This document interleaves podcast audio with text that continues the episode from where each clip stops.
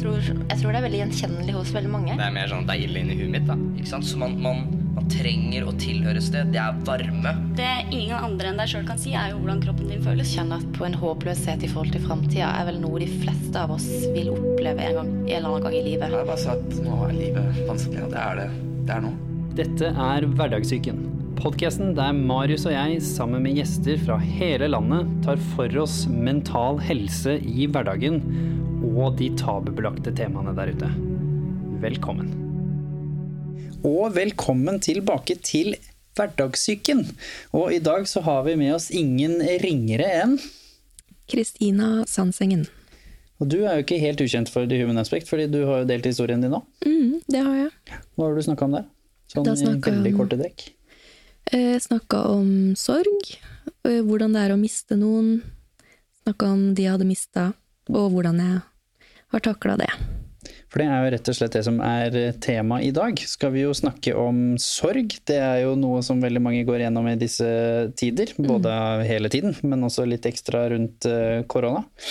Og ikke minst, vi har jo med oss uh, vår, si, vår, vår egen Du er også vår egen, eh, Kristina, men vi har med vår egen uh, Katrin, som faktisk står midt i en sorg. Sånn sett det er ikke midt i, du er, begynner å komme liksom bitte litt uh, gjennom det nå, men det er også litt interessant for å få et perspektiv fra en som sånn sett dessverre har vært gjennom mange sorger, du Kristina. Og du er ikke din første heller, Katrin, men det er den største. Så vi har med deg også, vi.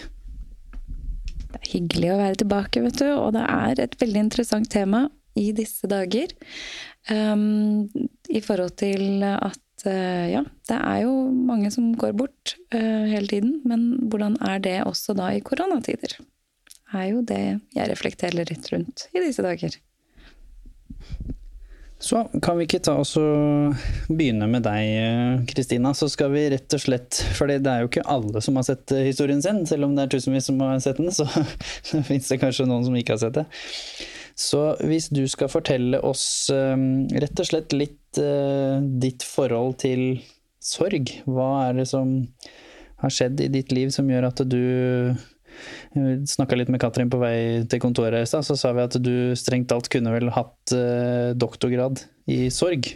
På bakgrunn av erfaring. Ikke nødvendigvis at man skal tulle med det, men det er jo litt sånn Erfaring har jo ganske tyng, tung vekt, det også. Det er ikke alt man trenger å studere for å bli ekspert i det. Mm.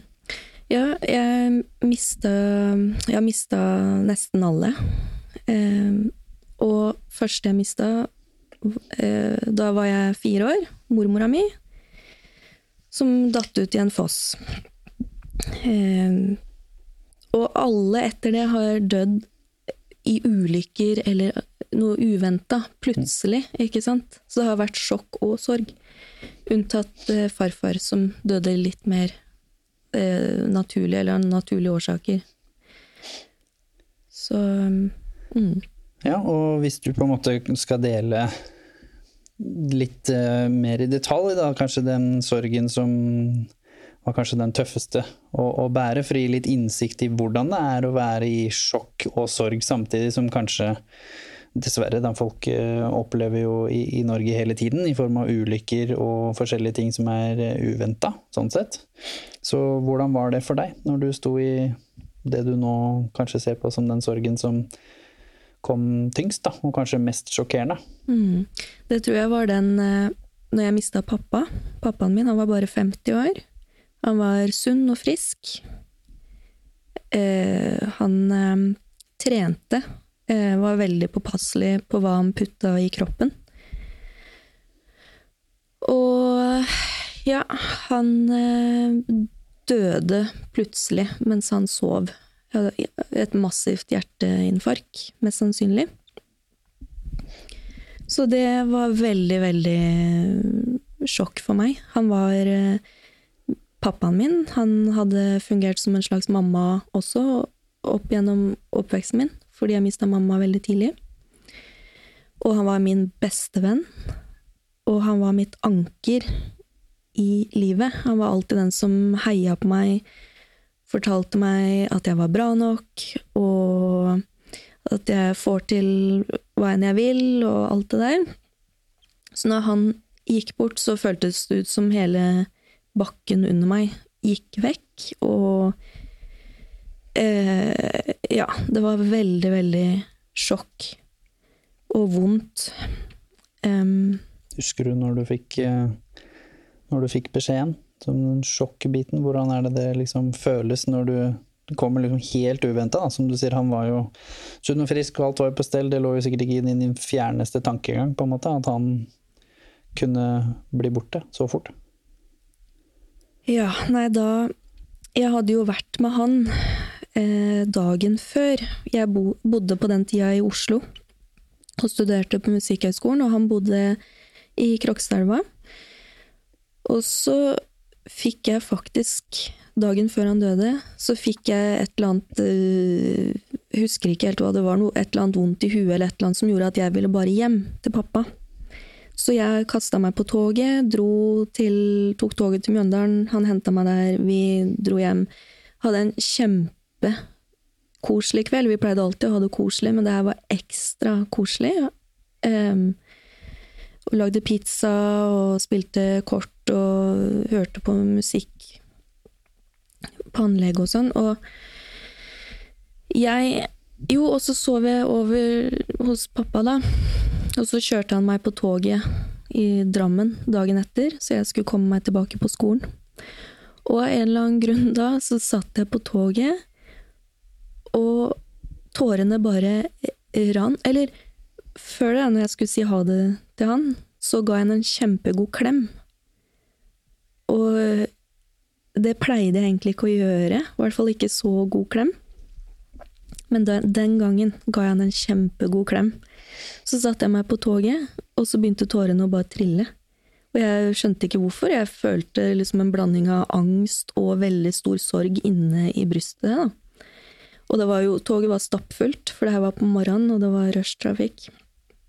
Jeg klarte ikke å stoppe å grine, men jeg Ja, det var så vondt at jeg brydde meg ikke om hva folk rundt meg eh, tenkte, og bare lot tårene renne.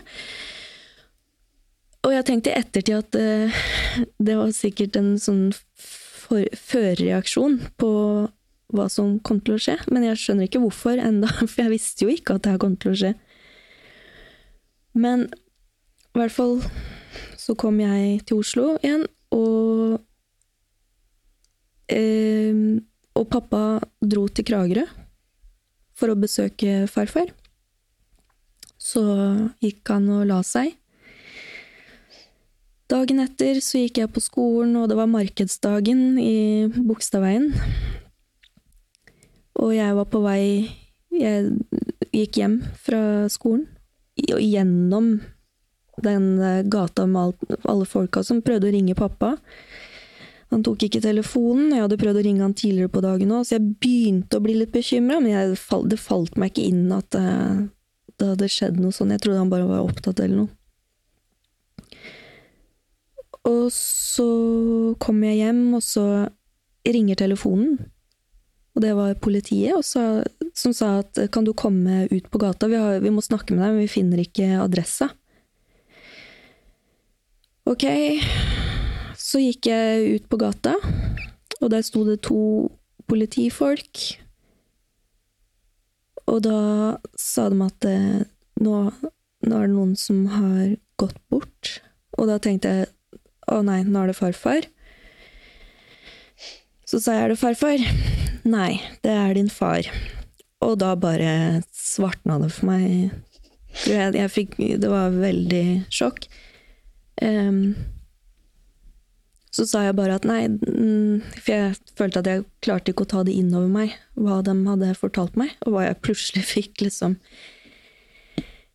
Eh, ja, så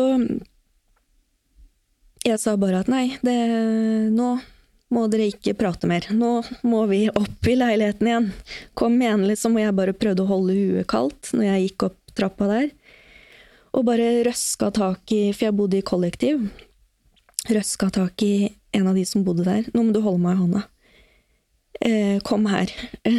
Satte jeg meg ned på kjøkkenet og bare niholdt i hånda hans. Og så sa jeg til politiet nå kan dere fortelle igjen, hva er det dere sa? Nei, faren din har gått bort. Og så trodde jeg ikke helt på det, så jeg sa at men det kan ikke stemme, så dere må jo prøve å live han opp igjen, eller Det stemmer bare ikke, da. Så kom igjen, liksom, ta en telefon og ring, ring Ring folk og få dem til å live han opp igjen. Men det skjønte fort at det, det var ikke noe Han var, han var borte, han. Så da, da rakna egentlig hele verden for meg. Hva er det som går gjennom hodet ditt og følelsene dine, og hva som skjer da, når du får en sånn beskjed? Det er veldig vanskelig å forklare. Em, jeg merker det veldig i brystet. Eller jeg merka det veldig i brystet.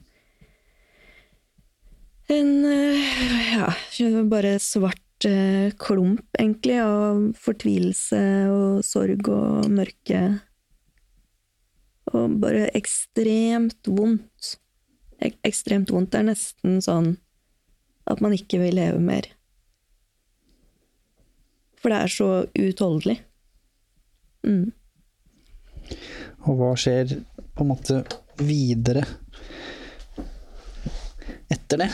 Hva er det som kommer nå etter dette på en måte sjokket, og du er i litt sånn denial, og så kommer jo selvfølgelig grusomme, vonde følelsene, men hva, hva skjer etter det her nå?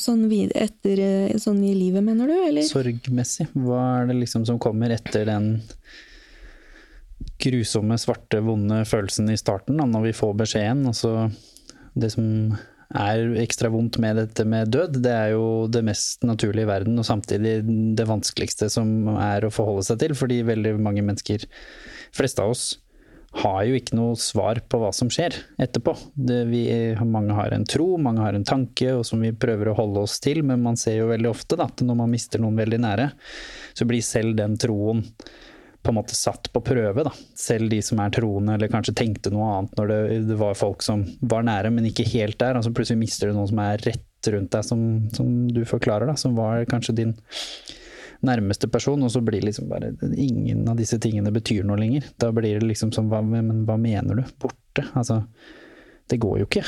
Så det er et veldig vanskelig konsept da, å forholde seg til. Så hvordan fortsetter prosessen etter dette her, inni hodet og hjertet de neste timene og dagene?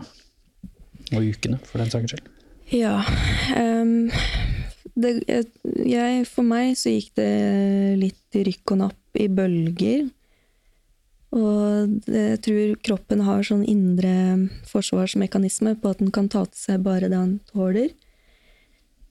Så Men jeg gikk jo veldig mye inn i sjokk. Og så gikk jeg Noe som gjorde at jeg gjorde en del rare ting, da. Fordi at jeg prøvde å skyve det vekk, på en måte, at ikke det hadde skjedd. Men samtidig så gikk jeg inn i, i veldig sånn praktisk eh, tankegang for å i det hele tatt jeg tror, jeg tror, jeg gjorde det for å i det hele tatt klare å komme meg videre og ha noe å fokusere på, sånn at jeg i det hele tatt kunne puste, på en måte.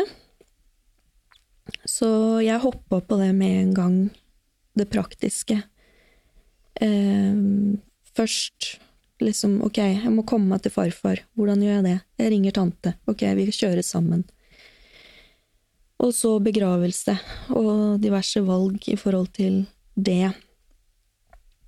Um, og bestemte meg fort for at jeg ville spille i begravelsen, så jeg måtte øve på det stykket. Um, og tale, og hva jeg skulle si, og sånne ting. Så jeg da Det hjalp meg litt, for da fikk hjertet mitt en liten pause ved at jeg brukte hodet litt også. Det er jo veldig mange som som sier det. Jeg husker jo når jeg mista bestemor, som var min absolutt sånn sett sånn næreste, viktigste person i den perioden av livet, da. Som gjorde jo at uh, det er litt det samme som du sier, da. Er, du, du, vil jo ikke akseptere det, på en måte, på et eller annet vis, at det har skjedd. Mens når jeg kom til begravelsen, og selvfølgelig tok dette fryktelig tungt, det gjorde vi alle sammen, men da tok jeg den rollen der, hvor jeg skulle holde tale jeg vet ikke hvor jeg fikk det fra, på en måte. At jeg skulle gjøre det var veldig unaturlig, fordi jeg var jo ung også, så det var jo ikke noe naturlig rolle til å liksom hoppe i den, men den tok jeg. og veldig sånn praktisk og skulle være støttende. Og jeg tror, jeg, tror det ble min forsvarsmekanisme, at jeg skulle på død og liv liksom underholde meg selv. fordi hvis jeg begynte å forholde meg til det som hadde skjedd, så bare Da ville ikke den dagen på en måte vært mulig å ta seg gjennom, egentlig. Sånn som jeg så på det, da, fra mitt uh, perspektiv. Du, Katrin, har jo stått i dette her for ikke så fryktelig lenge siden, dessverre. Og du tok jo også den rollen som både Kristina og, og jeg har tatt, selv om det kanskje var litt mer naturlig i din setting. Men det var jo masse andre folk rundt deg altså, som kunne ha gjort deler av de tingene, men du blei da den personen der. Hvorfor uh, valgte du å gjøre det, tror du, og hva gjorde det med din sorg? Jeg kjenner meg jo veldig godt igjen i det Kristina snakker om, også i forhold til det forholdet um, jeg hadde til faren min, og, og den opplevelsen av at um, Da vi fikk vite Vi fikk jo vite at faren min var ordentlig syk, fikk vi vite til jul. Um, og da gikk jeg rett inn i fix-it-modus. Da var det ok han har bursdag i april. Ok, da enten så skal vi Nå må vi begynne å tenke og planlegge for enten den mest fantastiske begravelsen eller den mest fantastiske bursdagen. Hvilken som kommer først. Og vi fikk jo en forespeiling om at vi hadde kanskje seks måneder til å, til å forberede oss på. Og ved, ved å ha den, så, så ble jeg veldig praktisk og ville prøve å fikse ting. Men når han da går bort fem uker etterpå isteden um, Bare det å ringe til begravelsesbyrået og velge et begravelsesbyrå Hvordan gjør man det? Hva går du på? Hvem, hva skal du gjøre etterpå? Hva, hva, gjør de? Jeg visste ingenting, og i, til slutt så blir det sånn at man tenker ok, men man får bruke noen som noen andre har brukt, eller hva, hva gjør man? Men eh, det vi da endte opp med å gjøre, var å bruke et eh, ganske nytt begravelsesbyrå. Um, og den støtten vi fikk der, og den støtten vi fikk på Stabekk hospice, um, var en av de tingene Hadde vi ikke hatt det, og sammen med familien min og og hvordan vi klarte å organisere oss sammen akkurat den tiden. eh, la i hvert fall grunnlaget for at det skulle være mulig å gjennomføre noen ting. For ellers så vet jeg ikke Jeg visste jo ikke hva man skal gjøre. Som du sier, det er jo en naturlig ting, men det er jo ikke det man opplever hver dag. Så vet ikke hva, hva slags praktiske ting man skal gjøre. Og der var i hvert fall begravelsesbyrået en veldig god hjelp i forhold til at vi fikk lov til å også skape den begravelsen som vi ville. Så veldig praktisk. Skrive talen, bestemme musikken, alt dette. Men, men, det å ha gode hjelpere rundt, det hjalp i hvert fall. Veldig. Eh, for da kunne jeg gjøre det jeg orket. Og, og de tingene som var viktige for meg, men de andre tingene var det noen andre som tenkte på, og i hvert fall guidet meg hvordan jeg skulle gå frem. Hvordan var sorgen for deg, da? Jeg tror Når jeg tenker tilbake på det nå, så Så kan jeg ikke huske det helt, egentlig. Eh, det er vi tullet med Kristina og meg her, at eh, to dager etterpå To dager etter at han døde, hadde jeg betalt 10 eh, 000 kroner i regninger som var utestående. Og det hadde jeg glemt to uker etterpå. Så det er, det er et sjokk. Helt ubeskrivelig som jeg aldri kunne som jeg aldri kunne ha forestilt meg før. Så, så, den sjokktilstanden og sorgen samtidig, det er Ja. Det er som hele Alt har gått i oppløsning. Ja, er det Ofte så er det jo litt sånn forskjellig stadier da, som man snakker om med sorg. Du har liksom sjokket som man snakker om her, og så er det selvfølgelig forskjellige typer sorg. Dere i utgangspunktet Katrin, skulle jo få tid, som er jo én type sorg, hvor man får beskjed. Så er det en sorg. Man sorger over beskjeden om at noen kommer til å dø, i dette tilfellet av kreft, som er jo da en ganske vanlig ting å få en tidshorisont på, selv om den er veldig usikker. Sammen med bestemor fikk vi jo også beskjed om at det kommer til å være bare noen måneder, og så og så er hun borte, eh, som er første sjokket, sorgen. Og så blir man praktisk, og så prøver man jo beste evne å gjøre det beste ut av det, holdt jeg på å si. Og, og være der og ha de samtalene og, som du snakket om, da. Liksom litt den derre Tulle litt med bucketlist, på en måte, og liksom hva skal vi finne på nå, selv om de er sjuke, og du veit jo at det er ikke så fryktelig mye de får gjort, men man prøver, da, å være løsningsorientert. Og så kommer jo selve altså døden. Og da står man jo der og tenker liksom Du, du kan være så forberedt du bare vil, men det hjelper jo ikke når den kommer. Så er ikke det på en måte noe trøst i det. Eh, og så har du da denne sjokksorgen som, som du snakker om, eh, Kristina, som er den som selvfølgelig da kommer hvor du er i fornektelse en liten stund. Tar litt tid å skjønne hva som foregår, egentlig. Og så kommer man jo inn i en lignende sorgfase. og så er det jo den hvor du snakket om med, med farfaren din, og de eldre som vi har mistet, sikkert alle sammen. som som er litt mer naturlig og bitte litt lettere å akseptere, fordi du kan fortelle deg selv en sannhet om at de har levd et langt og godt liv, og vi har vært heldige som har hatt dem lenge, og så liksom kan man gjerne akseptere det. Og da betyr jo ikke at det er noe mindre vondt, men da er det bitte litt lettere å håndtere, visstnok, pga. den sannheten. Mens da f.eks., heldigvis ingen av oss som har opplevd det, men det da å f.eks. miste en seks, sju, åtteåring eller noe sånt noe, som er jo en, en, sannhet som altså Det er jo ikke noe sannhet i det du kan fortelle deg selv som gir mening. Og da er jo den kanskje den sorgen som, som, du aldri klarer å finne en historie som du kan leve med, da. Men så er det jo Så kommer man jo inn i selve sorgen, og da kommer det også en del praktiske ting som kanskje nesten gjør det litt verre. Som jeg også har opplevd veldig mye selv eh, i min familie, og som jeg vet at både du Kristina og du Katrin står i nå. Det, det er fryktelig mye sånne praktiske ting, hvor man møter mennesker som har en jobb som kanskje ikke oppleves å ha helt empatisk forståelse for hva de, eh, de driver med. Fordi du nevner begravelsesbyråene, de er jo gjerne fantastiske, det er jo jobben dem. De veit jo de dealer med sørgende mennesker. Sammen med hospitser og sykehus og liksom Dette har de jo litt kort på, og til og med politiet, da, som kommer med en sånn beskjed. Men banken, forsikringsselskapet, altså steder hvor det jobber vanlige mennesker, som du plutselig kommer i kontakt med, og som trist, men sant må jo ringe deg. Fordi det må jo gjøres noe med lånet. Altså, det må gjøres noe med huset. Det må gjøres noe med forsikring. Altså, så det er jo ikke det at de, de, ikke skulle ha ringt, det er ikke det som er svaret. Men de sitter med en litt sånn rar eh, forståelse der, som, som, blir kanskje litt krass. Kan ikke dere begge to fortelle litt om de opplevelsene dere har hatt rundt det, da? Men også hvordan dere har eh, håndtert nettopp dette, da. For hvordan skal man klare å, å, takle det og samtidig forstå at disse menneskene selvfølgelig ikke De kjente jo ikke faren deres. På en måte, Det er jo ikke det at de er hjerteløse liksom, mennesker, men, men det er noe med det systemet der som, som, ikke fungerer. Som er med å gjøre sorgen vanskeligere da, i dagens moderne samfunn, tenker jeg. Vi, vi, snakket jo litt om det i stad, Kristina, i forhold til at det burde vært noen der eh, som, eh, som, tilbyr den type hjelp, da, som du sier.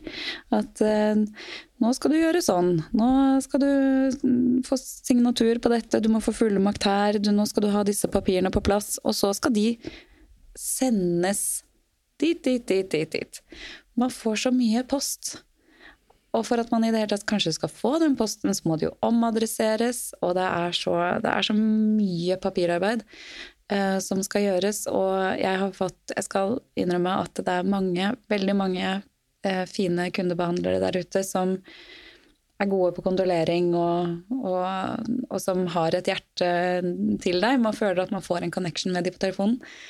Og så har jeg hatt noen som, som eh, tulla med at å ja, men han var Så, så lydig han hadde vært. Han hadde betalt en av faktura etter at han var død, og så lo han litt av det da, denne kundebehandleren.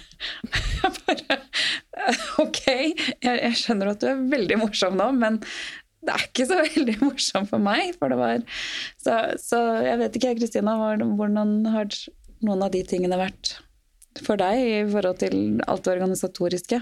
Jeg skulle veldig gjerne ønske at det var noen den gangen, når pappa døde spesielt, som eh, fortalte meg eh, punkt én, punkt to.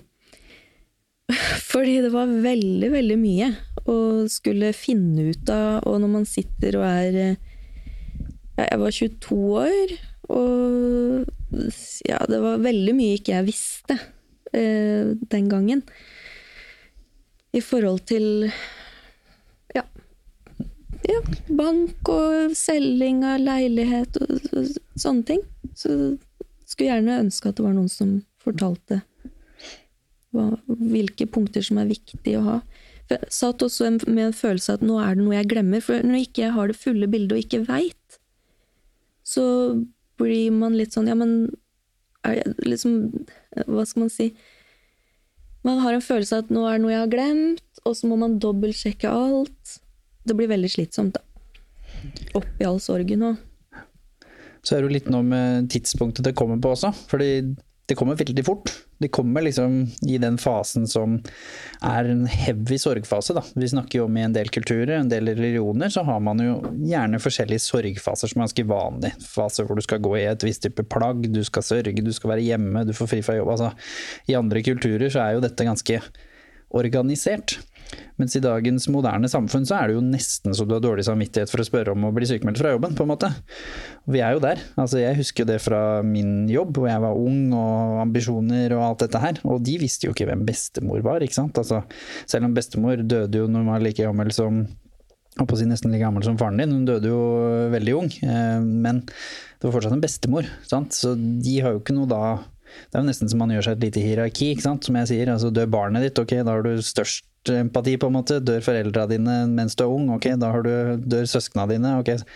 Så er det nesten sånn, mens hvis det er besteforeldre, som farfaren din vet jeg også var fryktelig viktig for deg, og selvfølgelig på slutten her var jo nesten eneste gjenlevende slektning, på en måte. så da ble jo ikke det akkurat noe hyggelig eh, sorg heller. Så det er den derre med å veldig vanskelig å forholde seg til hva som er greit, og når det skal komme. Men den prosessen mener jo jeg kommer altfor tidlig. Når du plutselig skal begynne å forholde deg til selge et hus som du kanskje har vokst opp i, da, sånn som Katrin kan sikkert snakke litt mer om etterpå. Du skal plutselig deale med lån og tall, og som du sier, altså hva er renter, liksom? Ja. Altså når du er 20 år og liksom Og de la på. Altså, sånn. ja, det er verdens dårligste tidspunkt å få den over huet ja. og skal finne ut av alt det. Det er ja. Absolutt. Men, men, hva kjenner man liksom rundt den der prosessen når den kommer, kommer så fort? Hva, hva, at, hva kjente dere at det gjorde med sorgen? Fordi la oss si at den hadde kommet tre måneder etterpå. Da. La oss si at prosessen var banken fryser. Bang, det er prosedyre, prosedyre. Tre måneder, bang, det er bare fryst. Alt er stoppa. Ikke noe renter, ikke noe avdrag, ingenting. Det samme med forsikringer, alt sammen. Og så er det sånn da får man tre måneder pusterom til å deale med begravelse og alle de million praktiske tinga man må deale med. Sørge litt. Og så begynner vi på null. Også i 2020 da, så er det jo AI og alt dette her, så i teorien kunne det da vært fra staten laget et superenkelt eh, AI-system, hvor du fyller inn hvem som er død, relasjon, navn, for info fra Altinn, du logger inn. Her er holdt jeg på å si, autorisasjon fra at du har fått det godkjent, og så begynner det. Og der kommer den oppskriften som dere snakket om. 1, 2, 3, 4, 5, 6, 7. Hva om det var sånn, da? Hva, hva kunne det gjort med sorgen deres? Nei, det hadde hjelpa, for da kunne man eh, fokusert mer eh, Man kunne deala med selve sorgen òg, på en bedre og sunnere måte. Slippe å skyve den framfor, for, foran seg, da, for å ta tak i det praktiske. For da kan man jo gå på en smell seinere, eh, så det er jo ikke bra helsemessig heller. Mm. Jeg, jeg, prøvde meg jo på Jeg føler at jeg prøvde meg litt på begge deler. Um, hadde alle bankkontoene og alt vært frosset fra dag én, så hadde jo ikke vi klart å gjøre noen ting. Vi hadde jo masse forskjellige fakturaer som måtte betales. Han hadde eh, masse uåpen post og ting å ta tak i. Så, så på en måte, når det først skjedde, så kjente jeg at jeg vil bare bli ferdig med det. Og da var jeg så glad for at jeg hadde de pengene som, til min rådighet, å betale de tingene han skyldte, få det gjort. Og så kom det en periode hvor man venter på skifteattest. For før hun får skifteattest, så skjer det egentlig veldig lite. Um, og det er der jeg tenker at akkurat den AI-løsningen, til og med Altinn-løsningen, det hadde ikke vært så vanskelig. Um, at man logger seg inn på Altinn, det er en dødsattest. Jeg skjønner at staten har masse ting de må gjøre, det kan de gjøre på sin måte. Og så man, trenger man som pårørende ikke sitte der og huske på alle stedene dette skal sendes.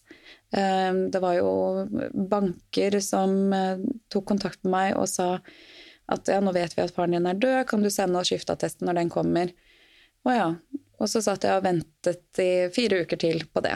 Og det skal absolutt innrømmes, nå som jeg nå eh, har fått skifteattesten for en uke siden, sendt den dit den skal, og det er litt som Kristina sier, hva er det jeg har glemt nå? Hva er det som kommer nå? Plutselig så kommer det en faktura som jeg ikke var klar over, eller plutselig så finner jeg et annet bankforhold som jeg ikke var klar over. Og da var, det, da var svaret 'vi venter på skattemeldingen'. Men det er ikke fasiten, det heller. Så det, det, det, er, det er så mange ting som kommer i forskjellige faser som egentlig bare river opp i det igjen. Når du egentlig bare må ta de avgjørelsene. Skal vi selge huset? Skal vi selge barndomshjemmet mitt? Skal vi ikke? Har vi noe annet valg? Um, og så må det komme igjen og igjen. Føler at man liksom ikke blir ferdig med det, da. Så er det jo den store, spennende arvbiten, da, som gjerne røsker opp litt i moroa. Altså, jeg husker jo i forbindelse med vår prosess, så var det jo var flere mennesker involvert. og så Det er jo naturlig at det selvfølgelig er jo barn først. Og så i bestemors tilfelle så var det jo en gjenlevende ektefelle, ikke sant? I motsetning til, til deg nå, Katrin. Så da var det jo de som måtte deale med, med, den biten der, da. Sant? Så da gikk jo ikke det til oss, i, altså i, i meg. Det gikk jo da til mamma og dem, og så måtte de da snakke med, med bestefar, da, eller nye bestefar, da, som var liksom den i håper å si stebestefar, holdt jeg på å si, som kom inn her. Eh, og så må jo de da finne ut av det. Men det som er litt fascinerende, er når man skal deale med dette her, så er man jo i sorg. Og vi havna jo i en situasjon som gjorde at de dro opp i masse gamle greier da, som i utgangspunktet ikke hadde noen ting med meg og vår generasjon å gjøre. Bestefar hadde vært en fantastisk bestefar for oss, altså han som levde. Bestemor var gjerne altså, stenen av hele familien. Det var hun som holdt mine, dine, våre barn sammen. Sånn klassisk modern family-situasjon. Og når hun forsvant, så bare rakna alt i alle retninger. Og så plutselig befinner man seg i en situasjon hvor man må deale med masse følelser og ting og meninger og gammel moro som har ligget stille, fordi den personen som har gått bort, var en person som klarte å liksom skape kjærlighet allikevel. Så det, sånn gammel feider, da, feuder, de var liksom, det var ingen som brydde seg så lenge personen levde. Og så forsvant den personen, så blir man jo mer såra enn noen gang. Og så skal man plutselig begynne å snakke om Jo, nei, men eide ikke du 60% av den hytta? Nei, men hadde ikke, det, hadde ikke, pappa liksom betalt litt for den, eller hadde ikke bestemor egentlig betalt for eh, Betaler ikke bestemor egentlig på lånet? Nei, men hun gjorde ikke det, men hun betalte all maten. Altså, så begynner man liksom med sånn helt sånn fjerne spørsmål, som er sånn Du tenker jo ikke klart. Det burde ikke vært lov å ta de diskusjonene i den tøffeste sorgen. Fordi der vil jeg påstå, fra egen erfaring, i min på en måte setting og de jeg har sett, både min egen familie, men også de jeg har vært venner til eller nære pårørende, så blir det fryktelig dårlig håndtert. Og jeg vil påstå at når jeg da står og ser på fra siden, og kanskje har vært litt mer logisk orientert enn noen av de i den situasjonen her, så ser jeg at nå er dere dårlige versjoner av dere selv. Nå gjør dere ting og sier ting som jeg skjønner er fordi dere er lei dere og i sorg, som dere kommer til å angre på. Og da er det for seint. Da kan du ikke ta det tilbake. Og når det da liksom Naturlig så kommer jo liksom litt advokater inn og sånn, og det er jo ikke fordi det er noe alvorlig tvist heller, det er bare helt naturlig. Advokaten kommer inn, her er testamentet, hva er det som står, ikke sant? leser opp, tjo hei. Og så skjer det masse ting som bare er unødvendig hvor de menneskene kanskje i etterkant nå, to, tre, fire, fem, seks, sju, ti år etterpå, tenker Der var jeg kanskje ikke helt eh, beste versjonen av meg selv. Det kunne vel vært håndtert på en annen måte, tenker jeg. Og jeg syns at det er veldig vondt å se på og, å være en del av. Og nå har vi jo vært i prosess med en annen veldig nære person da, som har fått beskjeden da, om at hun skal dø snart. Og det er litt morsomt å, å le av noe så grusomt, men hun fryktelig da praktisk orientert. Og har hørt alle de samme historiene som vi sitter og snakker om nå. Så hun skal gjøre alt i sin makt. Det er jo blitt hennes livsgnist nå, som gjør at hun klarer å holde seg levende med kreft omtrent i alle celler i kroppen sin. Men hun skal ha kål på dette her.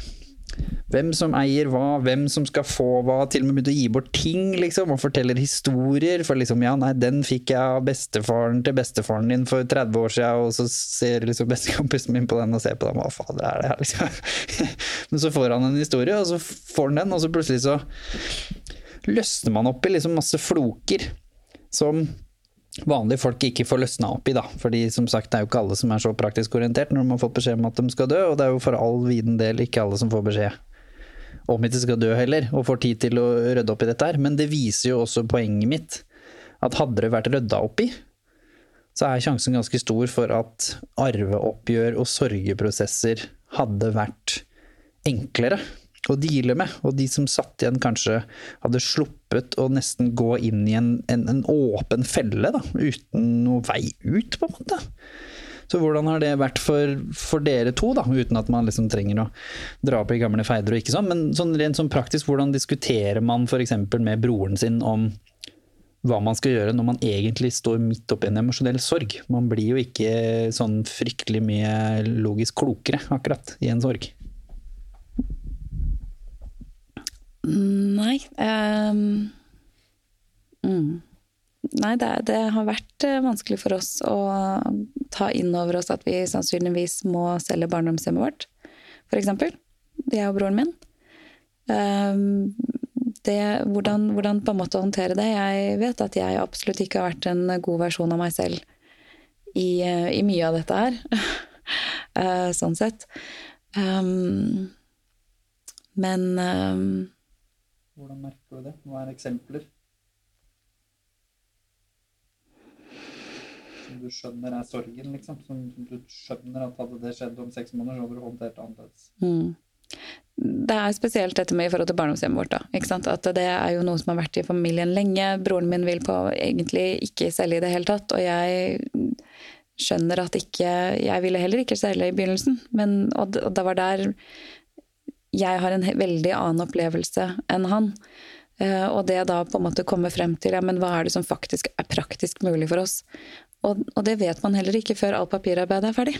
Så, så, det er liksom noe med det at det er som du sier, at hvis man hadde hatt den, det rommet til å faktisk bare kunne fokusere på følelsene og sorgen og, og ha mer rom for hverandre For jo fort, så fort det blir et eller annet at jeg må mase på broren min fordi han må eh, ta og åpne en eller annen regning eller et eller annet, det er jo ikke hyggelig for noen av oss.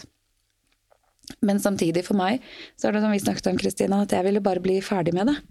For det er jeg som sitter og dealer med å ringe disse menneskene og betale regningene og kjenne at det er noe som er ugjort. Og hele tiden rive opp i at jeg må gjøre dette fordi pappaen min ikke fins lenger. Hvordan føles det? Ja, nei, det er, eh, det er, jo akkurat det, da. Da blir man minnet på den, den sorgen hele tiden. Eh, og den påminneren, og litt som Kristina sa, det er sånn Dette er jo det jeg hadde ringt pappa om og spurt han. Hvordan skulle jeg løst det? Ja, det er akkurat det. Så da blir det ekstra sårt og ekstra, ekstra vanskelig, da. Men så tar man ett steg av gangen, og så finner man ut av det litt etter litt.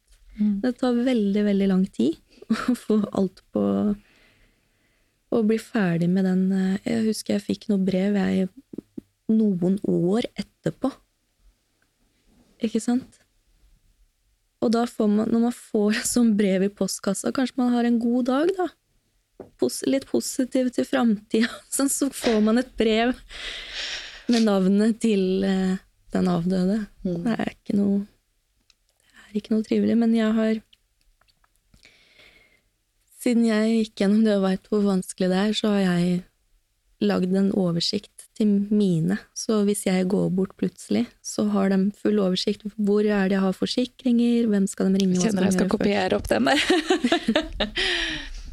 Ja, hva er det du har lagd? Fortell. Hva er det du fra, med din erfaring tenker ville vært praktisk for vanlige folk å, å tenke på?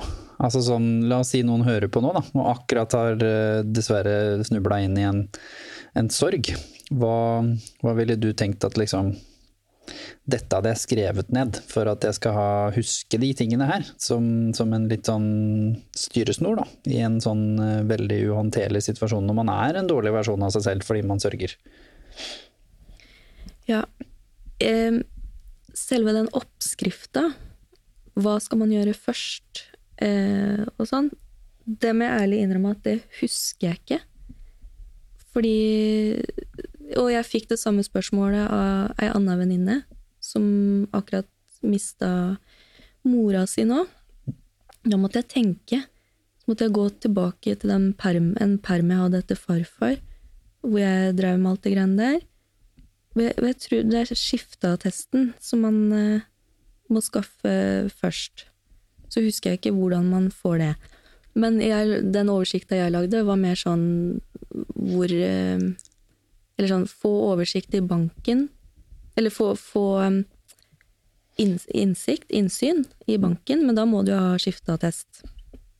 Så da får du en del informasjon, for da ser du hvilke trekk som er, da.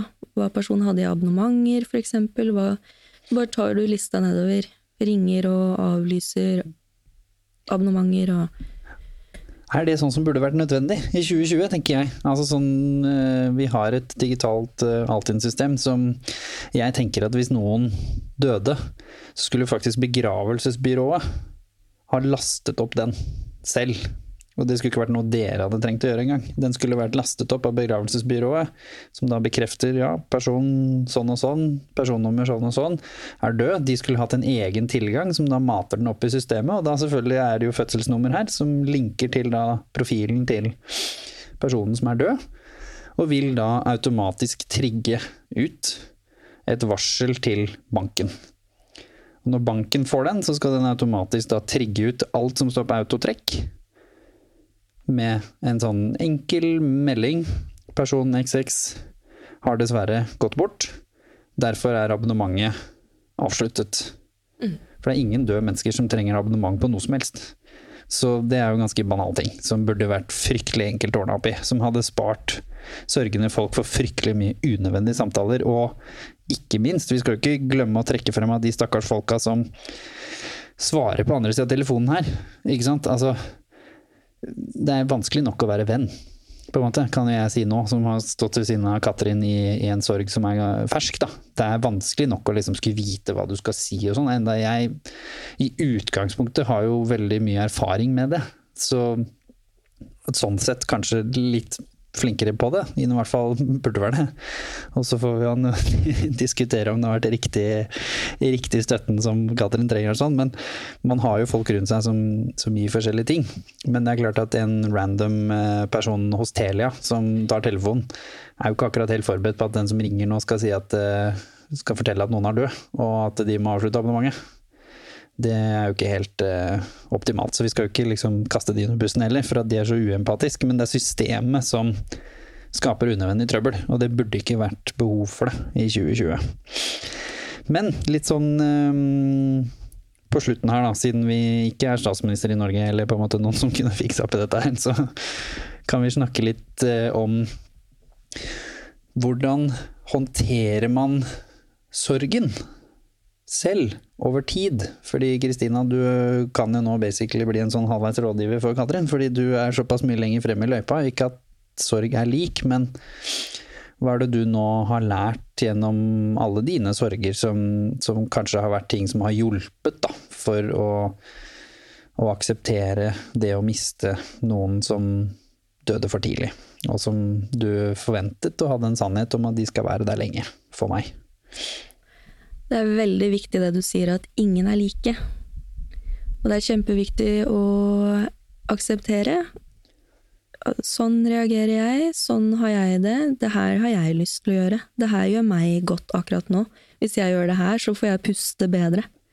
Så letter det litt på angsten i brystet, for eksempel. Men eh, generelt så anbefaler jeg å prate mye eh, om det, og hva du føler, og, eller om helt andre ting. Og hva, enn du føler som gjør som du har på hjertet. Snakk med folk, og det er, hvis man eh, noen gang skal være litt egoistisk, så er det nå. Eh, bruk de du har rundt deg. Hva mener du med egoistisk? Hva legger du i det, på en måte? Hva er det du anbefaler man kanskje skal gjøre litt annerledes når man står i sorgen til vanlig? For det er veldig lett å tenke at nei, nå har jeg ringt eh, den personen så mange ganger, og hun har jo sitt eget liv, og nå må jeg passe på at ikke jeg prater for mye og sånt noe. Men jeg tror de rundt er bare veldig glad for å, for å kunne hjelpe, eller for å kunne gi noe som helst støtte, da. Eh, for det Å ta hånd om den personen som er i sorg. Og hvis man føler for å gråte, syns jeg det er kjempe Jeg tror det er veldig, veldig sunt. Eller få det ut på andre måter. Kunst, eh, idrett. Skriking, for eksempel, for de som vil det. Bare få ting ut. Fordi, som jeg sa i, i intervjuet vi gjorde, så er det sånn at hvis man ikke får ting ut, så setter det seg i kroppen.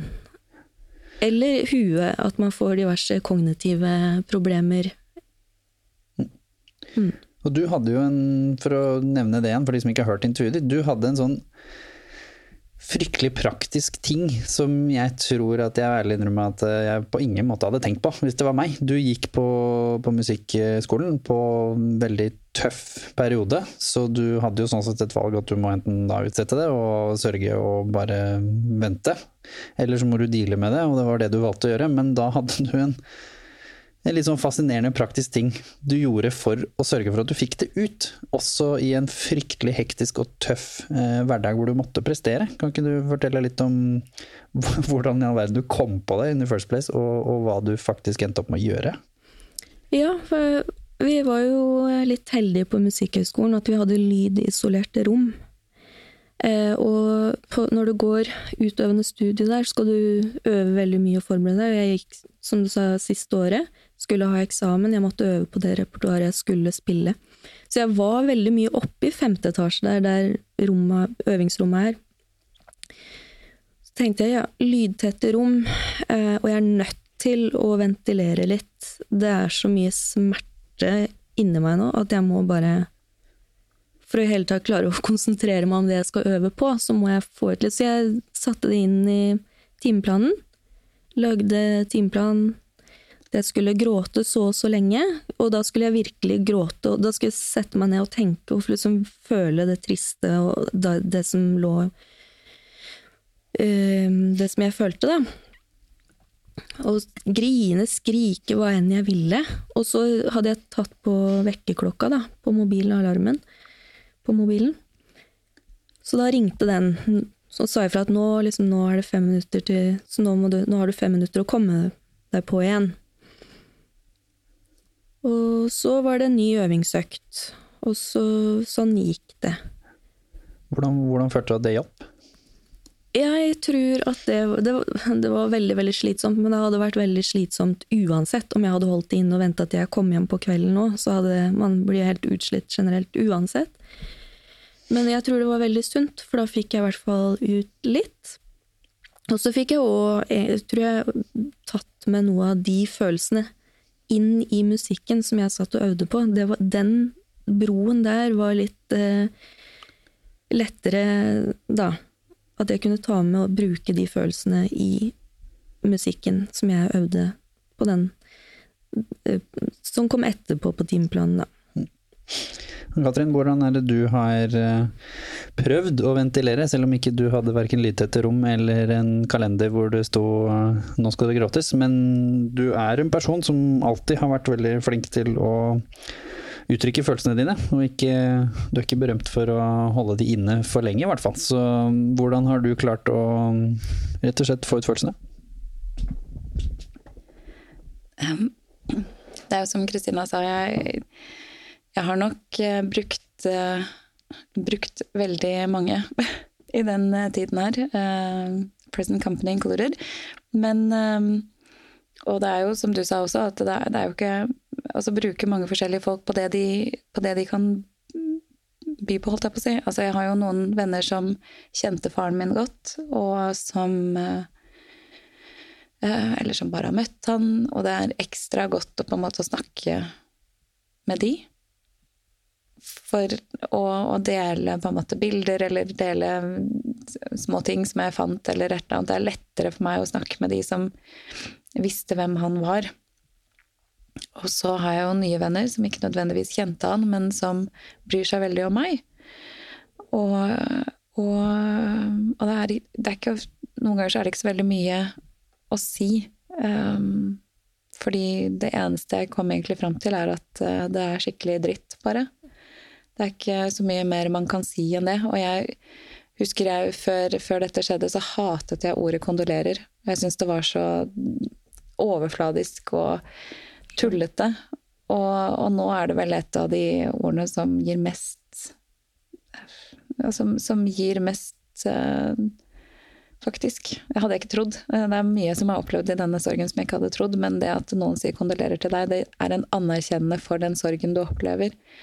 Og jeg hadde en faktisk snakk om eh, noen kundeservicefolk på telefonen som sa til meg um, Eh, jeg beklager sorgen, eller jeg er lei meg for sorgen din. Og det følte jeg var også veldig fint å si, eh, fordi det er ikke så veldig mye annet å si. Eh, og ofte så trenger man bare å ikke si noen ting, og vite at det er noen der. I disse digitale tider så er jo det absolutt veldig fint å vite at det er noen som er, er der. selv om man kanskje ikke bruker de, så er det godt å vite det. Og at folk har eh, tatt kontakt med meg og spurt hvordan jeg har det, uten at de nødvendigvis forventer et svar tilbake, men bare det at jeg vet at de tenker på meg. Så, ja. Så som Kristina sier, det er noe med å på en måte kunne ta til seg all den uh, kjærligheten som man egentlig føler er borte, men at den faktisk er der i andre former. Og så kommer man jo litt sånn sakte, men sikkert tilbake til hverdagen, enten man vil eller ei. Litt i form av at man da i dagens moderne samfunn ikke har nødvendigvis noen rutiner for sorg, da. Så man må jo gjerne tilbake i jobb, altså når det ikke er koronatid, da. Nå er det jo hjemmekontor, men for de fleste av oss så kommer jo hverdagen ganske fort. litt for fort, vil kanskje mange hevde, men da kommer man jo inn i den, og da må man jo finne metoder, som du fortalte i stad, hvordan man skal håndtere sorgen. Men så kommer man jo også til et neste punkt, da, hvis vi skal prøve å avslutte litt med det, hvor man er ofte da blir anbefalt å finne en sannhet, en historie, som man må kunne slå seg til ro med. Og det er jo der ofte religion kommer inn med at de har det bedre nå, personen var syk, de har kommet til himmelen, eller gjerne en eller annen historie hvor du tenker på den, og så aksepterer du at ok, sånn er det.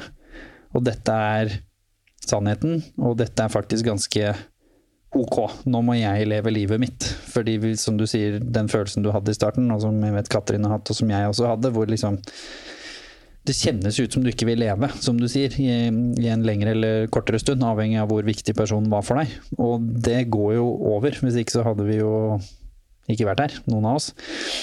Men hvilke historier og sannheter var det til, slutt dere landa på? Eller du da, i hvert fall, Kristine. Katrin jobber vel med den, så kan hun fortelle litt om hvilke sannheter hun jobber med. Som hjalp litt, som gjorde det litt lettere å akseptere den sannheten. Om det var religiøst, eller om det var spirituelt, eller om det bare var en logisk ting som du tok med deg videre, da.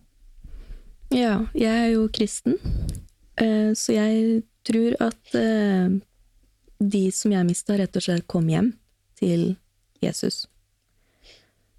Og at jeg vil se dem igjen når jeg dør. Og så tenk, eh, har det vært veldig fint for meg å tenke at eh, selv om liv Nei, det her veit jeg ikke hvordan jeg skal si for at ikke det skal høres veldig sånn dystert ut, da.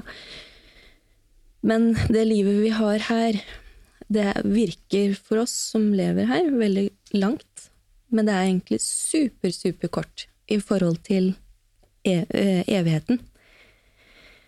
Og det, det, høres kanskje litt rart ut, men det har hjelpa meg å tenke at ja, jeg skal jo ikke være her så lenge, så jeg får snart, veldig, veldig, veldig snart, se dem igjen. Så, men pass på å nyte det jeg kan nyte her eh, når jeg kan. Når jeg lever. For det er en hårfin balanse, det også. Det er jo mange, og det gjelder jo ikke både kristne, men det er jo flere religioner som, som har en historie om at de da, og de tror, at de vil se det igjen når de dør. Som er jo en, selvfølgelig en veldig trøstende, fin følelse. Spesielt når det er folk man har mista brått. Hvordan klarer du å balansere den, at du ønsker at det skal skje, på en måte, som er jo den og ønsker ikke å leve lenger, fordi da kommer jeg der hvor alle venter på meg. I ditt tilfelle er det jo nesten alle også. Og balansen mellom at de skulle ønsket at jeg hadde gjort meste ut av det livet jeg har. For dere tror jo også, altså kristne tror jo også at du har jo fått det livet du har med en form for mening. Så når Gud henter deg hjem, på en måte, så henter han deg hjem. Så det skjer jo når det skjer uansett. Så det er ikke noe du på en måte skal stresse, stresse på. Så hvordan klarer du da å liksom finne drivkraften når du har mista så mange, til at du skal gjøre det beste ut av det korte eller lange livet, alt etter hva du tror på her på jorda? Mm. For meg så har uh, gitaren og musikken vært et anker for meg. Så med en gang jeg følte at hele bakken gikk under meg, så har jeg bare holdt meg til gitaren og holdt meg til de ambisjonene som jeg har hatt som gjelder gitaren. For det er fulltidsjobben din også. Ja, det er det er litt viktig viktig å si til folk at det er ikke bare hobbyen du driver med på, på jenterom, holdt jeg på å si. Det er jo det du lever av, altså musikken. Ja. Og fortsetter å se framover, tenke nye mål, nye ambisjoner. Hva kan jeg gjøre for å nå flest mulig hjerter, og hjelpe folk, eksempel, Så det er det som driver meg videre, og prøver å gjøre det beste ut av det, det verktøyet jeg har, da, gitar. Så jobber veldig mye, egentlig. Ja. Klassisk eh, coping mechanism, det også. Um, Katrin, du er jo um, Er lov å kalle deg spirituell? Spirituell. Så fra et spirituelt perspektiv, hvilke sannheter tenker du på? Vi snakket jo litt om før vi begynte her også, at, um, at du og broren din nå har to forskjellige eh, sannheter om, om hva dette kommer til å Eller hva det er. Kan ikke du dele litt hvordan de to sannhetene har skjedd, og, eller hva de er, og ikke minst hva som er din sannhet, og hvordan du nå jobber med å finne en eller annen form for historie som du faktisk kan fokusere på, og, få tilbake energien til å, gjøre det beste ut av eh, livet uten faren din? Ja, det Ja, man kan vel kalle meg spirituell. Jeg eh, Sånn sett Det som du snakket om eh, litt sånn innledningsvis, er jo at eh, jeg følte meg egentlig ganske komfortabel og sikker i min tro. Og hva jeg trodde på, hvordan jeg opplevde at verden var. Um, det er veldig annerledes enn det broren min gjør. Um, hvor, um, og, og det var i begynnelsen av dette her, så var det ganske vanskelig å håndtere, egentlig, i forhold til hvordan broren min mente at vi skulle forberede oss, og hvordan jeg følte at vi skulle forberede oss. Um, da faren min døde, så ble gikk hele troen min i knus og grus, rett og slett. Jeg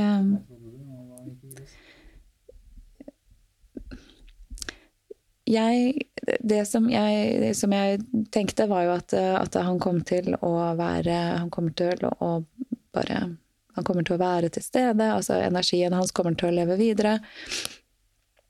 Og, og at at han ikke Jeg vet ikke om nødvendigvis om man går ett sted, men man er på en måte Man kommer tilbake inn i evigheten på et eller annet vis. Og når, når, han ikke lenger var i kroppen hans, trodde jeg at det kom til å være helt ok, fordi jeg visste jo at han kom til å være med meg i sjel og i spirit. Men jeg Det som knustes, var at jeg ikke trodde på det lenger. Det ga meg ikke noe Det ga meg ikke noe styrke, det ga meg ikke noe lettelse, det var ingen, det var ingen trøst, fordi jeg ville at han skulle være i kropp. Og hodet mitt klarte ikke å forstå. Det er litt som vi snakket om, når, når jeg så han ikke puste første gang, så, så, kunne jeg ikke forstå det. siden, siden vi, jo ikke, vi, vi ser jo ikke at vi puster hver dag, men det er jo noe som øyet leter etter. Og det var der jeg tror den her eh, lette etter å se ham puste. Jeg kunne ikke forstå at han ikke gjorde det lenger. Og da hjalp det meg ikke å tenke at han, ja, han er jo energi. Det, det hjalp ikke lenger. Så det var mange ting som skjedde etter det, hvor, hvor, jeg måtte håndtere én ting, det at faren min ikke finnes lenger, og det så at jeg ikke hadde en tro som jeg kunne støtte meg til eller finne trøst i. Som jeg var skråsikker på at jeg hadde før dette skjedde. Men eh, det som var for så vidt veldig fint i det hele, som vi klarte å få til med broren min, selv om broren min har veldig annet perspektiv på det enn meg, var at vi klarte å skape en begravelse som var veldig fokusert rundt faren min, og hva faren min hadde likt. Så gitaren hans var faktisk også med i eh, begravelsen. Vi hadde, vi hadde mange ting, eh, som mye musikk som faren min likte. Vi, vi, klarte i hvert fall å samles rundt det praktiske om kjærligheten rundt faren min. Um, og, og, og, hvordan å liksom hedre hans liv, da. Um, så, så, sånn sett, selv om vi hadde veldig forskjellig utgangspunkt, så har vi senere blitt eh, fortalt at uh, det var noe av det fineste mange av de som var til stede, hadde opplevd. Så en eller annen enighet midt i sorgen klarer man å finne seg likevel. Um, hvis, man, hvis, man, fokuserer på det som faktisk uh, betød noe, da. Og hva er den sannheten du sitter med nå? For nå har det jo gått noen uker, så hva tenker du nå? Det var det jeg kom på at jeg glemte at jeg skulle spørre vare på. Men eh, det som jeg vet nå, er at eh, faren min hadde ikke vært noen god pasient. Han, vi var veldig heldige vi, at vi ikke visste hvor syk han var. Um, han døde to uker før hele koronastyret skjedde. Um, hadde, hadde, han bare holdt ut noen uker til, så hadde han mest sannsynligvis eh, blitt en av de som døde av korona, når det absolutt ikke er sant. Faren min døde av veldig mange valg uh, som han tok oppover i livet, og det, det, var det det var. Og da skal ikke det komme noe annet oppå der som skal si at det var noe annet. Så det er jeg veldig glad for. Jeg er veldig takknemlig for at vi klarte å kunne ha denne begravelsen. Um, og, og, det er noen av de tingene som akkurat nå, nå bare noen seks uker etter, på en måte holder meg ved at ok, det, det er Selv om det var altfor kort tid, så er jeg veldig takknemlig for den tiden. Uh, at det ikke skjer nå. Og jeg har uh, veldig stor medfølelse. Og for de som må nå gå gjennom disse tingene, være det koronarelatert eller ikke, men som ikke da kan sørge ordentlig rundt sine på den tradisjonelle måten. Det er det ene lille som vi har i vår kultur, som sier om hvordan vi skal håndtere dette på. Da snakker du veldig fint om liksom den siste biten vi tenkte vi skulle runde av med. Da. Det er denne sannheten, som du sa. Det er veldig ofte man opplever en glorifisering rundt de som eh, har gått bort, spesielt under en begravelse. Det er veldig sjelden du liksom holder en tale og på forteller, forteller liksom objektiv sannhet. Det, det, er jo gjerne at man fokuserer på de gode tingene, og det skal man selvfølgelig også gjøre. Men når du forteller da liksom sånn her, f.eks. at faren din hadde, vært, hadde, ikke vært en god pasient, altså du, du, klarer å holde tak i noe realitet som gjør at du også tegner et bilde om hvem denne personen var for deg, som vil hjelpe deg going forward. Det er jo veldig sånn at man sier jo Det husker jeg faktisk at du eh, sa, Katrin, eh, tidligere i høst. At du visste ikke helt hvordan du kom til å håndtere hvis faren din gikk bort. Altså Du, du forsto ikke helt hvordan du skulle klare å ha et godt liv da, hvis han gikk bort, var det jeg fikk inntrykk av at du sa. Da visste jo ikke du at han var syk. Men det er jo også sånne ting som er vanlig å si. Sant? Spesielt hvis man snakker om da foreldre, søsken, eh, samboere, altså folk som betyr mye for deg. Og så skjer jo det, da. Og så må vi jo det. Så da har jeg funnet ut av at vi har veldig godt av å også fortelle oss selv sannheten, og ikke glorifisere sannheten. Når bestemor gikk bort, så var bestemor den første jeg ringte, viktigste personen i mitt liv når jeg var der. Ingen var glad i meg som henne. Det var sannheten. Den tøffe sannheten som gjorde at det var vanskelig å akseptere. Men jeg så henne kanskje hver andre måned. Kanskje. Jeg ringte henne in all fairness kanskje en gang i måneden på det tidspunktet her. Veldig busy med jobb og masse dårlige unnskyldninger på hvorfor ikke jeg ringte oftere. Sendte noen SMS. Hun var ikke, var ikke den sharpeste på, på, SMS på den tida der. Hun var ikke noe teknisk geni, men eh, jeg gjorde det. Eh, og, og, hun var den jeg brydde meg mest om. Så da vi liksom går nedover skalaen, så hadde jeg jo enda mindre kontakt med de andre igjen, da. Som ikke bodde i Oslo, for jeg bodde jo ikke der hvor bestemor bodde. Så det hjalp meg selv å fortelle det også. At ja, det har vært helt avgjørende å ha bestemor i livet, men akkurat på det tidspunktet hvor jeg mistet bestemor, så husker jeg hun sa til meg også at nå var det greit for henne å dø, fordi hun følte at alle vi rundt henne ikke trengte henne lenger. Det er jo litt sånn kan ikke si det til noen som er i ferd med å miste det, men jeg hadde jo lyst til å filleriste henne, for det er bare hva du snakker om. Liksom, er en jeg ikke vil miste, så er det jo deg. Men hun mente jo det.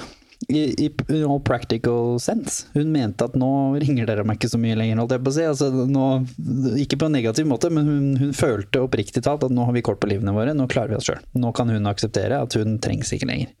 Og da trodde jo hun også, som, som deg Kristin, at hun skulle komme til et, et, bedre sted og kom til å ha et bedre liv eh, hvis hun døde. Så det hjalp jo oss at vi visste at hun trodde det.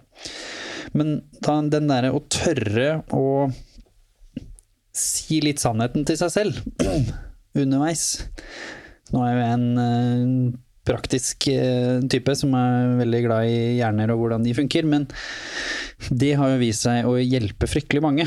Og det er også ting som anbefales fra profesjonelle, er å tørre å si hva som er sant. Hvem var personen for deg? Hvor ofte var du i kontakt nå? Hva har personen vært for deg, som alltid vil være med?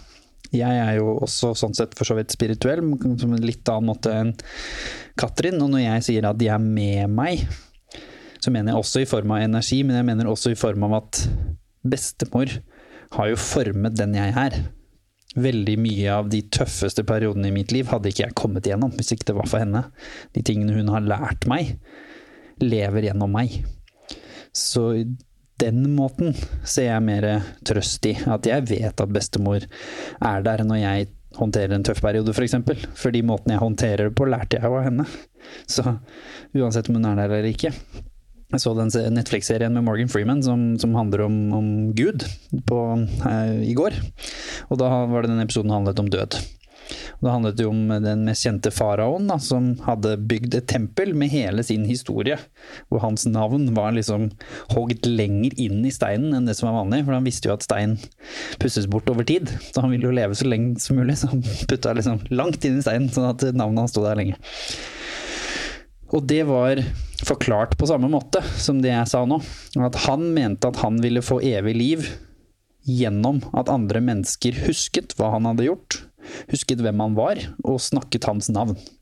Og jeg snakker om bestemor hele tiden, altså masse, fordi jeg har henne på armen og folk spør hva er det og litt sånne ting, men generelt at eh, hun er med meg. Så det er jo mange måter å tenke det på som hjelper. Selv om man ikke nødvendigvis tenker at de enten er her åndelig, eller at de lever et annet sted. Sånn sett, så Den ærlige sannheten hjalp meg. Var det noe som du måtte håndtere på et vis, og fortelle deg selv en, en sannhet i tillegg til den at faren din nå er på et bedre sted, men også for å klare å fokusere på livet nå, da. Og ikke minst med deg, Katrin. Hvilken sannhet er du i ferd med å fortelle? Så kan dere jo avslutte litt med det før vi går inn i siste rådet til sørgende folk der ute. Ja, jeg eh, følte også at det var veldig viktig å være ærlig i forhold til Sånn som du sier, ringte, hvor ofte ringte jeg, hvor ofte besøkte jeg spesielt farfar, da, som bodde i en annen by enn det jeg gjorde. Uh, og jeg merka med meg sjøl at jeg prøvde å skyve det litt vekk, for jeg hadde litt dårlig samvittighet på noen ting. Men det er noe med å se, se det for sånn det faktisk var, og så kan man snakke om det og bearbeide det fra der. Man kan ikke bearbeide noe og hile noe hvis man ikke vet hva det er eller har det klart foran seg.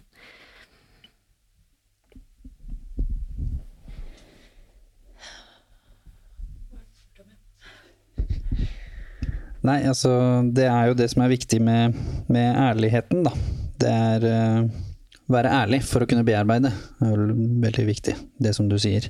Så hvordan var du ærlig med deg selv for å kunne begynne å bearbeide, nå som du står midt i det?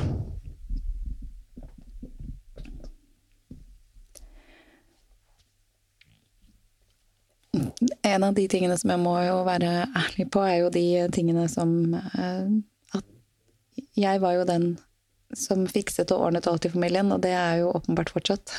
Men um, men en av de tingene som jeg tar mer med meg, som jeg fikk høre uh, av en veldig klok person før, jeg, før pappa døde, var at han lever jo i meg, i mitt DNA. Jeg er halvparten pappa. Og det hun rådet meg til, var å også si det til han. Og i den tiden hvor han, eh, før han gikk i koma, så, så kjente jeg at jeg, hadde, jeg visste ikke hva jeg skulle snakke med han om. Jeg klarte ikke å finne de tingene som, som man ser på film, at man åh, ja, og så spør man de spør spørsmålene, og så går man gjennom livet og kjenner på at eh, ja, nå fikk jeg svar på alle spørsmålene jeg har hatt. Jeg fikk ikke den, men jeg um, fikk hatt den samtalen med han hvor, hvor jeg fortalte det, uh, som hun hadde sagt, at fortell han når er det du kommer til å tenke på han. Um, jeg kommer til å tenke på han alltid når noen kjører forbi meg i bil på høyre side. For uh, jeg kommer til Hver gang jeg er på hytta, så kommer han til å være der sammen med meg. Um, han kommer jo til å være med å oppleve alle de tingene jeg opplever, rett og slett fordi at jeg er halvparten han. Og jeg tror det er det som gir meg mest støtte og nå, i den situasjonen jeg er i, å vite at ok, han, han er ikke i fysisk kropp lenger, men det er jeg. Og hvilket liv er det han vil at jeg skal leve? Og han ville jo bare at jeg skulle leve absolutt det beste livet jeg kunne. Og da må jo det være en av de tingene jeg forplikter meg til også. Å ta hans DNA videre. Um, I den form av at jeg har det bra. Ikke nødvendigvis at det skal bli masse småkids, men som han jo helt sikkert mest hadde villet. Men at jeg i hvert fall kan leve det livet som er riktig for meg. For det er også en litt sånn vanlig ting å si når noen går bort. Så det er jo litt det at den personen som går bort, ville jo at du skulle leve. Det er vel ingen, antagelig, man hadde spurt, og så hadde de dødd med folk de er glad i, og så sagt hva vil du mest for personen som, som er igjen? At de skal sørge og ha det helt jævlig i all overskuelig fremtid. Altså, det sier seg sjøl at de hadde jo ikke sagt det. Så det også er jo en ganske trøstende sannhet å gjerne ta med seg, og heller finne noe styrke i det til å jobbe hakket hardere og sånn, i sånne takketaler. Liksom store prestasjoner, men takketaler fra OL eller Oscar eller sånn, så er det jo veldig vanlig å takke folk som har gått bort. Det er jo en ganske sånn ting Jeg hadde ikke klart det uten liksom, kraften fra deg. Jeg, hadde, jeg jobba ekstra hardt fordi jeg ville liksom vise at du gikk bort, men du skapte noe bra. Liksom, vi har jo en sånn tanke om at foreldrene våre og besteforeldrene våre er med å forme dem vi er, og så presterer vi, og så takker vi dem. Det er jo en ganske standard tanke i, i livet generelt.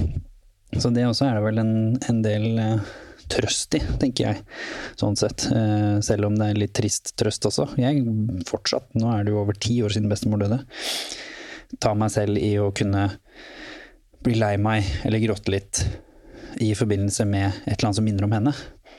Men samtidig finner jeg også ganske mye kraft i det å minnes henne de gangene hvor jeg kjenner at jeg hadde trengt det hvor hun vanligvis hadde vært der, da. Det er som du sa, dette hadde jeg ringt pappa om. Du sa i dette hadde jeg ringt bestemor om, på en måte. Og da kjenner jeg også litt positiv eh, styrke i det, da. Eh, hvis vi skal avslutte med Hvis dere på en måte skal summere opp litt. Hvis noen nå hører på og står inne i en sorg, uansett om den akkurat har skjedd, eller om det er en sorg de ikke har bearbeidet på nødvendigvis en sunn måte, eller en god måte hva ville dere sagt til de, rett og slett? Et åpent, fint spørsmål. Hva ville du sagt til noen som sørger akkurat nå? Kristina? Den følelsen du sitter med nå, og sånn du har det nå, sånn kommer det ikke alltid til å være. fordi at eh, det forandrer seg inni deg, og du forandrer deg, og det rundt deg forandrer deg. Så det må du bare huske på. Og at det blir, ja, det blir lettere å puste etter hvert. Og det kommer til å komme tider hvor det blir bedre, men så kanskje det blir eh, vondt igjen. Men du kommer deg gjennom det. Det er bare å ta, ta ett steg av gangen framover. Hvordan skal man ta ett steg av gangen? Hvor hadde du begynt hvis du sto i en sorg i dag? Hvis du skulle liksom sagt hvor personen kanskje kan begynne, da, i, i dagens Um, sorg? Sove, drikke vann og få i seg næringsstoffer er viktig. Um, få luft. Kanskje gå litt tur, hvis man orker det. Og så etter hvert eh, hvor hverdagene blir litt mer normale, og man er tilbake på jobb og sånn, og man har en tung dag, så er det noe med det å bare Så lenge man prøver å gå fra I hvert fall er jeg sånn at de dagene som er ekstra tunge, og jeg er ekstra sliten eller sorgfull, så fokuserer jeg på å bare Ok, jeg må bare framover. Enten om det da er å ta opp noe fra oppvaskmaskinen, eller svare på én mail, da. Eller, og så tar jeg ett steg av gangen, og så går det lettere etter hvert. Katrin, hva, du som står sånn sett eh, fortsatt i det, hva ville du sagt til en person som har hoppa rett inn i en sorg nå, og som står i en sorg nå? Ikke gjør ting for fort, ville jeg sagt. Um, ta, ta litt tid, rett og slett, til eh, som Kristina sier, å, å puste, sove, gråte seg tom, så at eh, du er i hvert fall tomgrått den dagen. og, og, og så, men også vær åpen for de menneskene som faktisk vil hjelpe deg. Eh, og ta imot den, den omsorgen du får andre steder. Um, det, det er ikke så lett, eh, fant jeg ut av, men det, det gjør veldig godt. Og um, det er noe Selv om det nesten virker umulig, så er det noe med å, å prøve å tenke på andre ting, Uh, hva nå enn det er. Jeg gravde meg jo veldig godt ned i arbeid, om det er, uh, det er en måte å gjøre det på. Og jeg ville tro også at det fins mer kreative, gode måter å gjøre det på som Kristina sa før, i forhold til å finne noe av Prøve å gjøre noe av det som man selv allerede vet at man liker veldig godt. Selv om det også virker umulig, så, men allikevel gjøre det som du liker aller best. Og, og gi deg selv rom til å gjøre det akkurat nå. Du må gjerne bygge videre på den, og også si til deg selv at det er lov. Kan være veldig lett å tenke at liksom, ja, nå skal vi ha sørgeperiode. Nå må jeg være lei meg igjen og i et x antall måneder, og så kan jeg bli glad igjen. På en måte, Så tror man at det er sånn det funker. Men det er lov å smile og le og ha en fantastisk dag, en hel dag til og med, hvor du ikke tenker på personen i det hele tatt fordi du bare er så opphengt i andre flotte ting. Og så går du og legger deg, og så husker du at personen er borte, og så begynner du å gråte. Det er helt greit. Det, det gjør deg ikke til en dårlig sørger, det gjør deg ikke til en dårlig person. Det er ikke noe feil i å ha det bra i en veldig dårlig periode. Og det gjelder jo uansett hva som er dårlig, på en måte. Det tror jeg er også litt fint å si, for det kan jo fort få dårlig samvittighet. Du får jo dårlig samvittighet for alt når du sørger, på en måte. Og i tillegg skal ha dårlig samvittighet for at du faktisk har det bra innimellom slaga. Det er jo veldig uheldig. For da tar du fra deg selv muligheten til å få en liten pause. Og, og det er som dere sa så fint begge to, man blir sliten av å sørge. Altså rent fysisk også. Fysisk og psykisk så tar det på kroppen å sørge. Ikke glem det. Derfor er det utrolig viktig å ta vare på deg selv enda mer enn det du ville gjort på en vanlig periode. Som du sa så fint, Kristina, med søvn, mat og drikke og luft. Og liksom de standardtingene som egentlig alle vet, men nå må du være enda mer bevisst på det, fordi da vil sorgen bli bitte, bitte, bitte, bitte litt lettere. Den blir ikke borte. Kommer ikke til å endre seg. men det blir bitte litt lettere for kroppen din og hodet ditt å håndtere den. Og da vil det forhåpentligvis komme til et punkt, på et eller annet tidspunkt, som du sier, Kristina, at det blir bedre og litt lettere. Og sånn sett trist, men sant, så vil jo da hverdagen komme sakte, men sikkert tilbake, og da vil det gå opp og ned. Det vil være en film du ser, det vil være et bilde, det vil være en dato, det vil, og det vil jo vare, som jeg sa, jeg, det er over ti år siden bestemor døde. Det blir ikke borte. Og det er jo bra, tenker jeg, fordi det viser jo også hvor viktig den personen var. Men det er også viktig da å akseptere at sorgen holder ikke personen på jorda. Uansett. I kroppen sin, i hvert fall. Så får man jo da ønske å tenke hva man ønsker om sjelen og energien, og hvordan man tar med seg den videre. Det må jo bli opp til hva folk tenker. Men det er ikke noe fasit at det å sørge lenge gjør at det er bedre å være her. Eller at den personen sitter ved siden av deg i sofaen når du gråter, for det, det gjør de jo ikke. Rent fysisk kroppslig, i hvert fall. Og så er det dette med sannheten, da. Tørre å, tørre å ta den, kanskje. Og du trenger kanskje ikke nødvendigvis ta den alene heller. Ta den gjerne med noen som kjente personen. Om det da er søsken, bekjente, onkler, tanter, hva det skal være. Tør å liksom si det litt, eller med en profesjonell hvis det er mange som trenger hjelp fra en psykolog eller en fagperson i en sorgprosess. Og det er ikke noe skam i det. det. Hvis du har mistet noen brått, eller du tar det tungt, eller den sorgen er ekstra tung for deg der hvor du er nå, søk heller hjelp enn å sitte der og tenke at jo, men alle sørger jo. Ja, men alle rundt meg klarer jo dette fint, hvorfor klarer ikke jeg det? Og så får du dårlig samvittighet for det igjen. Det hjelper ingen, altså.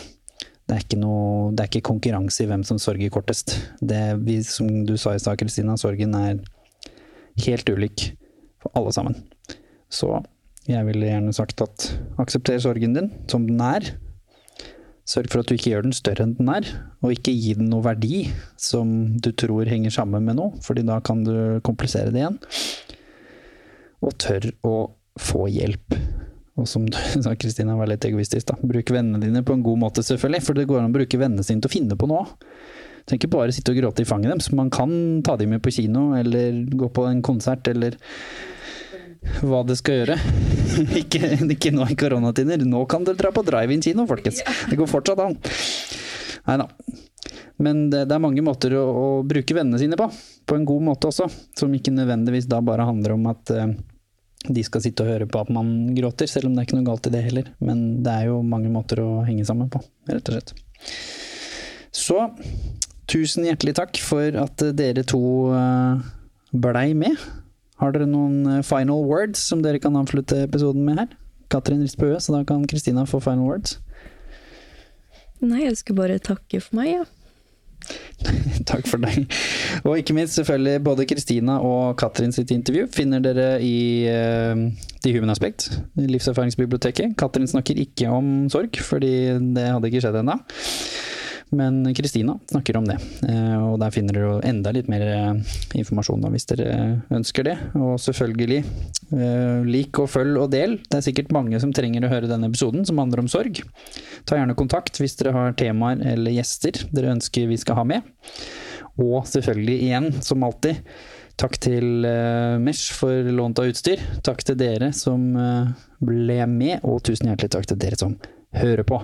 Dette er en samtale vi tre kunne hatt uh, hvor som helst. Vi hadde ikke trengt å ta den opp. Vi sleit litt med å ta den opp, faktisk, for det var noen spøkelser her strø som drev og bølla litt med teknikken. Så vi fant ut av det til slutt. Så dette er faktisk for dere, og da trenger vi deres hjelp også til å sørge for at den når de som trenger den. Tusen takk.